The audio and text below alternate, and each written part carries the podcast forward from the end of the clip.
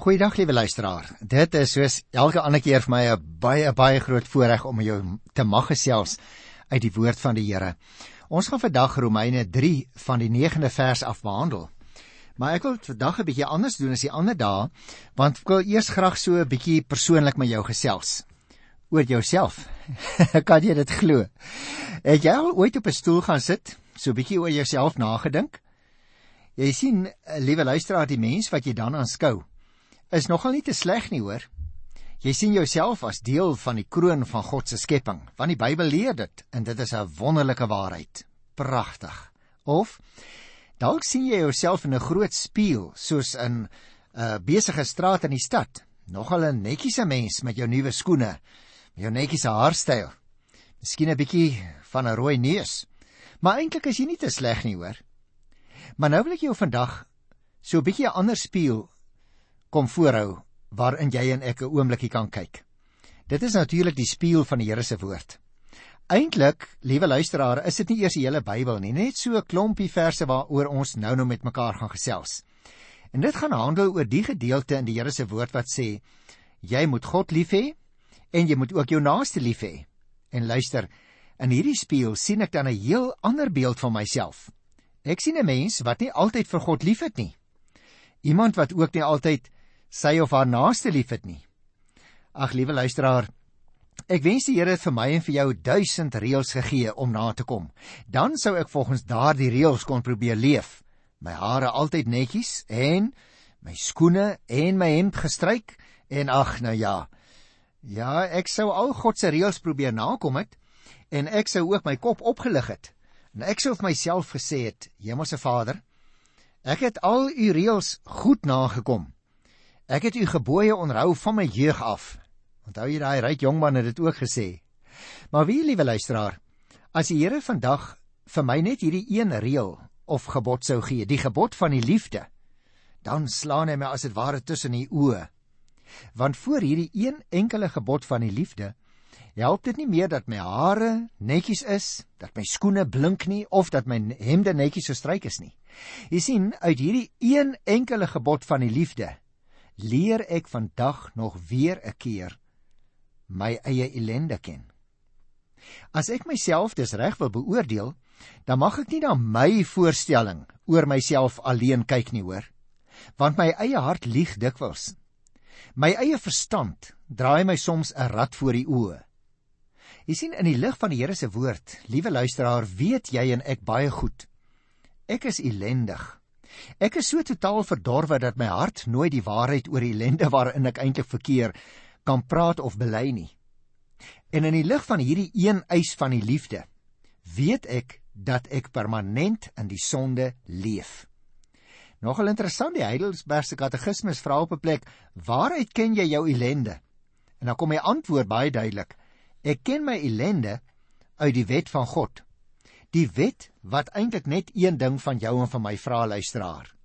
Die wet wat eintlik net een ding van jou en van my vra naamlik die liefde. 'n Wet, liewe luisteraar, wat ek nie eens in staat is om volkome te hou nie. En nou mag jy my vra nou, broer Johan, hoekom nie?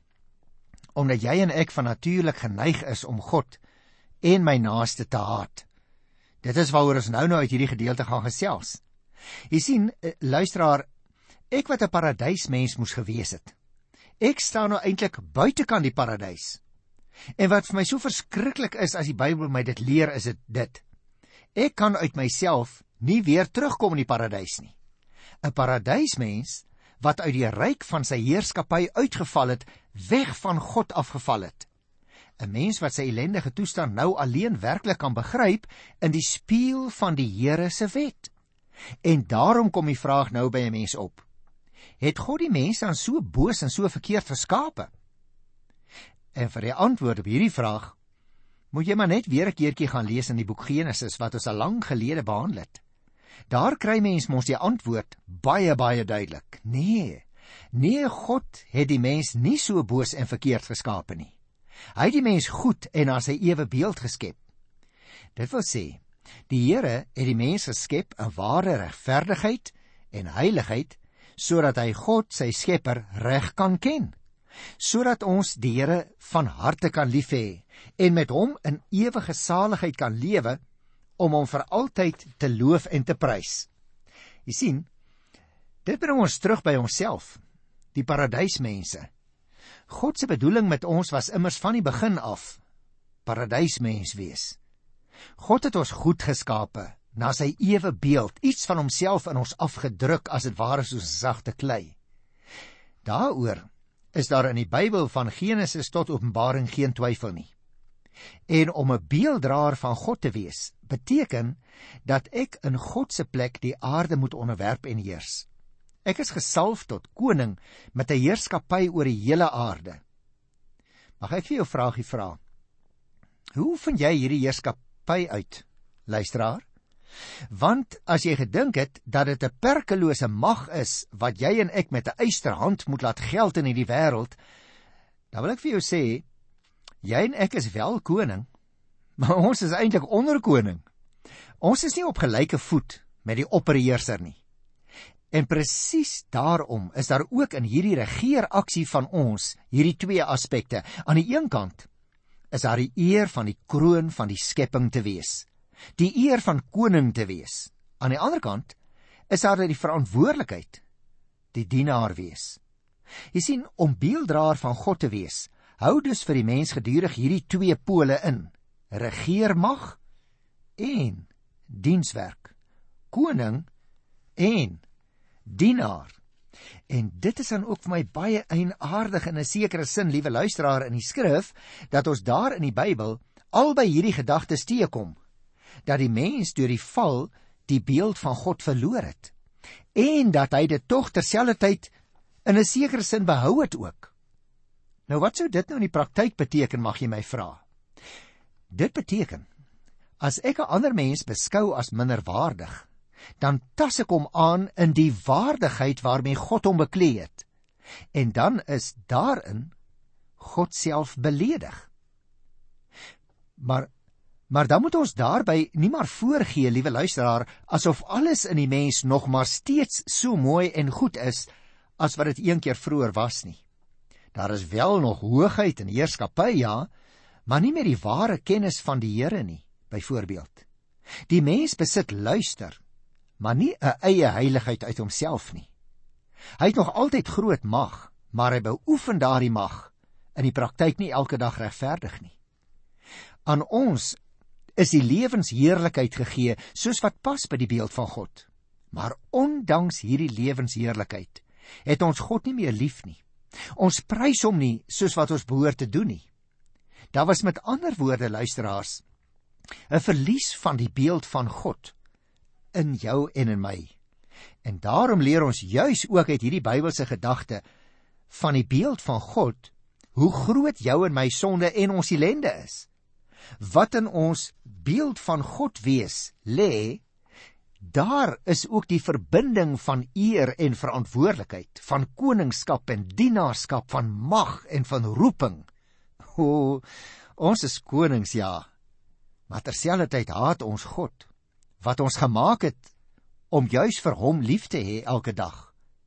En daarom kan ons eintlik sê ons het revolusiekonings geword want ook met die koningsheerlikheid van die tegniek en die mag en die kultuur. Die wonderlike wetenskap wat ons bedryf, die kuns, die geld, die goed, die film, met al hierdie dinge kom daar 'n stuk haat teenoor die Here na vore dikwels. Bevorder ons soms opstand en revolusie teen die Here. En hierdie verdorwe aard van die mens kom voort uit die val en die ongehoorsaamheid van ons eerste voorouers Adam en Eva in die paradys. Van hulle af erf ons nie alleen ons aards nie, maar by hulle het ons ook geleer om daagliks weer teen God in opstand te kom en te oortree.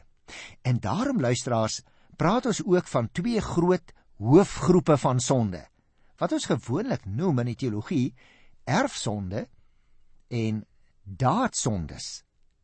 Terwyl ons dan so deur en deur bedorwe is vanweë die sonde, is dit natuurlik ook nodig dat ons wedergebore sal word volgens die Bybel voordat ons die koninkryk van God kan sien.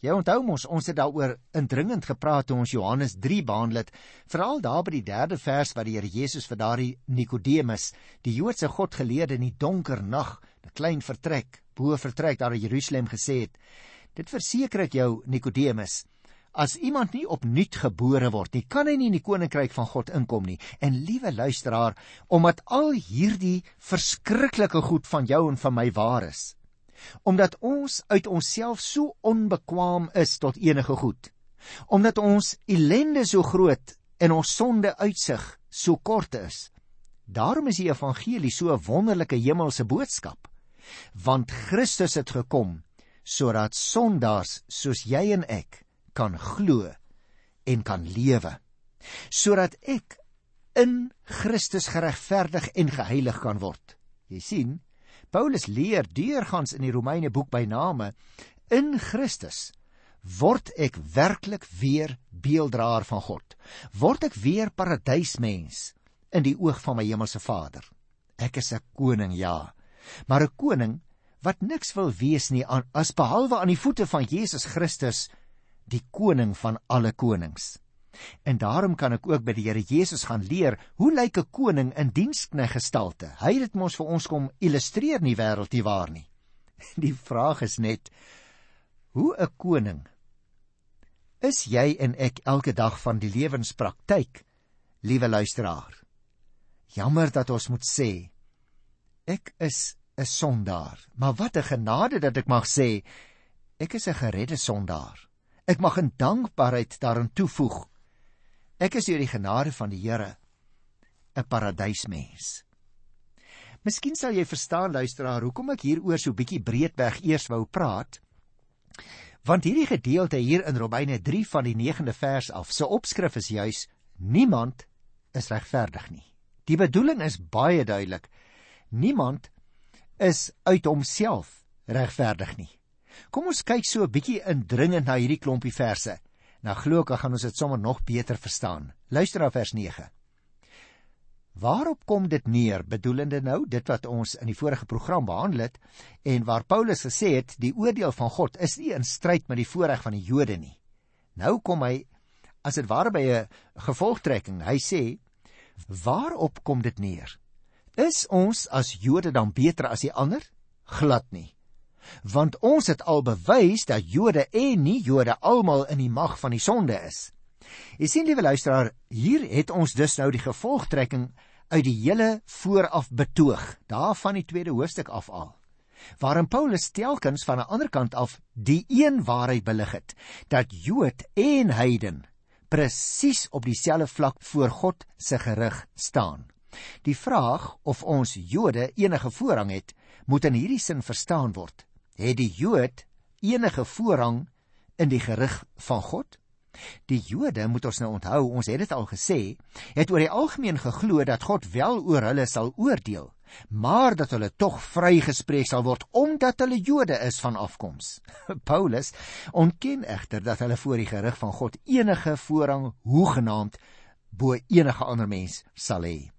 Jy sien, die Jode het wel besondere voorregte, met name in die woord in die beloftes, in die besnydenis, maar dit het slegs betekenis gehad as dit in geloof ontvang en met gehoorsaamheid beantwoord word. Maar as dit nie gebeur het nie, luisteraar, dan staan die Jood saam met die heidene voor God se gerig. Paulus sê dus al bewys die Jode dat hulle aan die liggaam 'n teken dra, is hulle nog steeds almal in die mag van die sonde. En hierin luisteraars is alle mense gelyk. Almal staan onder die heerskappy van die sonde. Daar is dus in die 9de vers vir ons 'n baie duidelike teenstelling. Eers vir die posisie van die Jode waaronder Paulus homself hierdie keer insluit, verder bekyk. Hy vra die vraag duidelik: Is ons as Jode dan beter as die ander? Maar nou anders as in die eerste en die tweede hoofstuk kom die antwoord hierdie keer negatief. Die verskil is dat in die eerste 2 hoofstukke gegaan het oor die bevoordeelde posisie van die Jode in die Openbaringsgeskiedenis. Nou is die vraag of hulle voor God se regbank enige voorkeurposisie het. En hierop sê Paulus kan die antwoord slegs nee wees. Paulus het immers alreeds in die voorafgaande verse bewys dat almal, soos hy dit nou hier saamvat, in die mag van die sonde is. Vir die eerste keer in hierdie brief gebruik die apostel nou die selfstandige naamwoord sonde. Jy het opgemerk, hy het dit nog nie van tevore gebruik nie. Alhoewel die saak al dikwels voorgekom het. Dit is ook vir my opvallend, liewe luisteraars, as ek hier kyk na die 9de vers, dat hy hierdie woord in verreweg die meeste gevalle in sy boek in die enkelvoud gebruik, omdat dit vir hom gaan oor die sonde agter die daadsondes.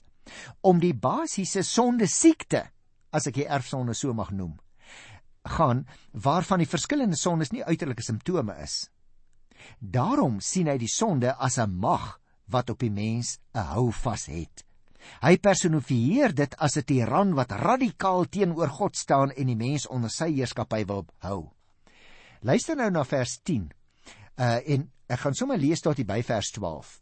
Hy sê: Daar staan immers geskrywe: Daar is nie een wat regverdig is nie, selfs nie een nie. Daar is nie een wat verstandig is nie. Daar is nie een wat na die wil van God vra nie. Almal het afgedwaal. Almal het ontaard. Daar is nie een wat goed doen nie, selfs nie een nie. nou luisteraar, kan daar nou nog by jou my enige twyfel wees? Daar is niemand wat in die oog van God as regverdig kan deurgaan nie. En daarom haal die apostel hier uh, aan en met hierdie aanhalinge uit Prediker 7 vers 20 en ook uit Psalm 14 sy eerste 3 verse dis nakies hy al ook aan uit uh, Psalm 53 vers 2 tot 4 as jy daar wil gaan kyk. En daarmee beklemtoon die apostel die leer van die skrif dat alle mense sondaars is. Hy sê dit duidelik hier daar is nie een wat regverdig is nie nie een wat verstandig is nie, nie een wat aan die wil van God vra nie. Daar is nie een skryf hy wat goed doen nie. Nou dit alles kan natuurlik saamgevat word in die woorde almal het ontaard, soos die apostel dit hier formuleer. Jy sien, die menslike lewe het verword, het verval tot sinloosheid. Die merkwaardig van Paulus se aanhalinge uit hierdie Ou Testamentiese gedeeltes lyk vir my is dat hy juis uitsprake wat daar bedoel is as beskrywing van die goddeloses hier eenvoudig op alle mense van toepassing maak. Dus ook op die Jode, dis ook op jou en op my. Natuurlik bedoel hy nie dat elke mens aan alle moontlike vorms van sonde skuldig is nie. Dit gaan vir hom om die skuldering van die goddelose mensheid in sy geheel. Alle lede van die mensheid dra in kiem alle moontlikhede van die sonde in hulle self. En dit geld ook natuurlik vir die Jode. Hy gaan verder, hy sê by vers 13 en 14: Alle mense se keel is 'n oop graf. Met hulle tonge bedrieg hulle. Oor hulle lippe kom woorde so giftig so slange. Hulle mond is vol vervloeking en bitterheid. Nou luisteraars, hierdie twee verse beklemtoon juis die sondigheid van die mense woorde met aanhalinge wat hy neem uit Psalm 5 vers 10 en ook uh, Psalm 140 vers 4 en jy kan gaan kyk ook in Psalm 10 vers 7 as jy wil. En hierdie goed voeg hy dan saam om uitdrukking te gee aan die groot kwaad wat met die tong gedoen is. Jy sien, die hart van mens teen mens word daarin geopenbaar dat hulle keel soos 'n oop graf is. Die beeld is natuurlik die van 'n monster wat met geopende bek op sy prooi afstorm. Ook word die mens se woorde vergelyk met die woorde soos die gif van giftige slange. En word gesê dat hulle mond vol vervloeking en bitterheid is. Jy sien die onderlinge gesindheid van liefdeloosheid, van haat, van verwensing wat daar tussen mense bestaan, word daarmee op 'n baie plastiese manier uitgebeeld hier in Paulus se beeldprentjie wat hy hierso teken. Luister na vers 15 tot 17. Hulle voete is vinnig om bloed te vergiet. Hulle laat 'n spoor van verwoesting en ellende agter hulle. Die pad van vrede het hulle nie leer ken nie. Nou hierdie twee verse, dis eintlik 3 verse 15 tot 17, skilder vir my die rusteloosheid van die mens in sy najaging van die kwaad.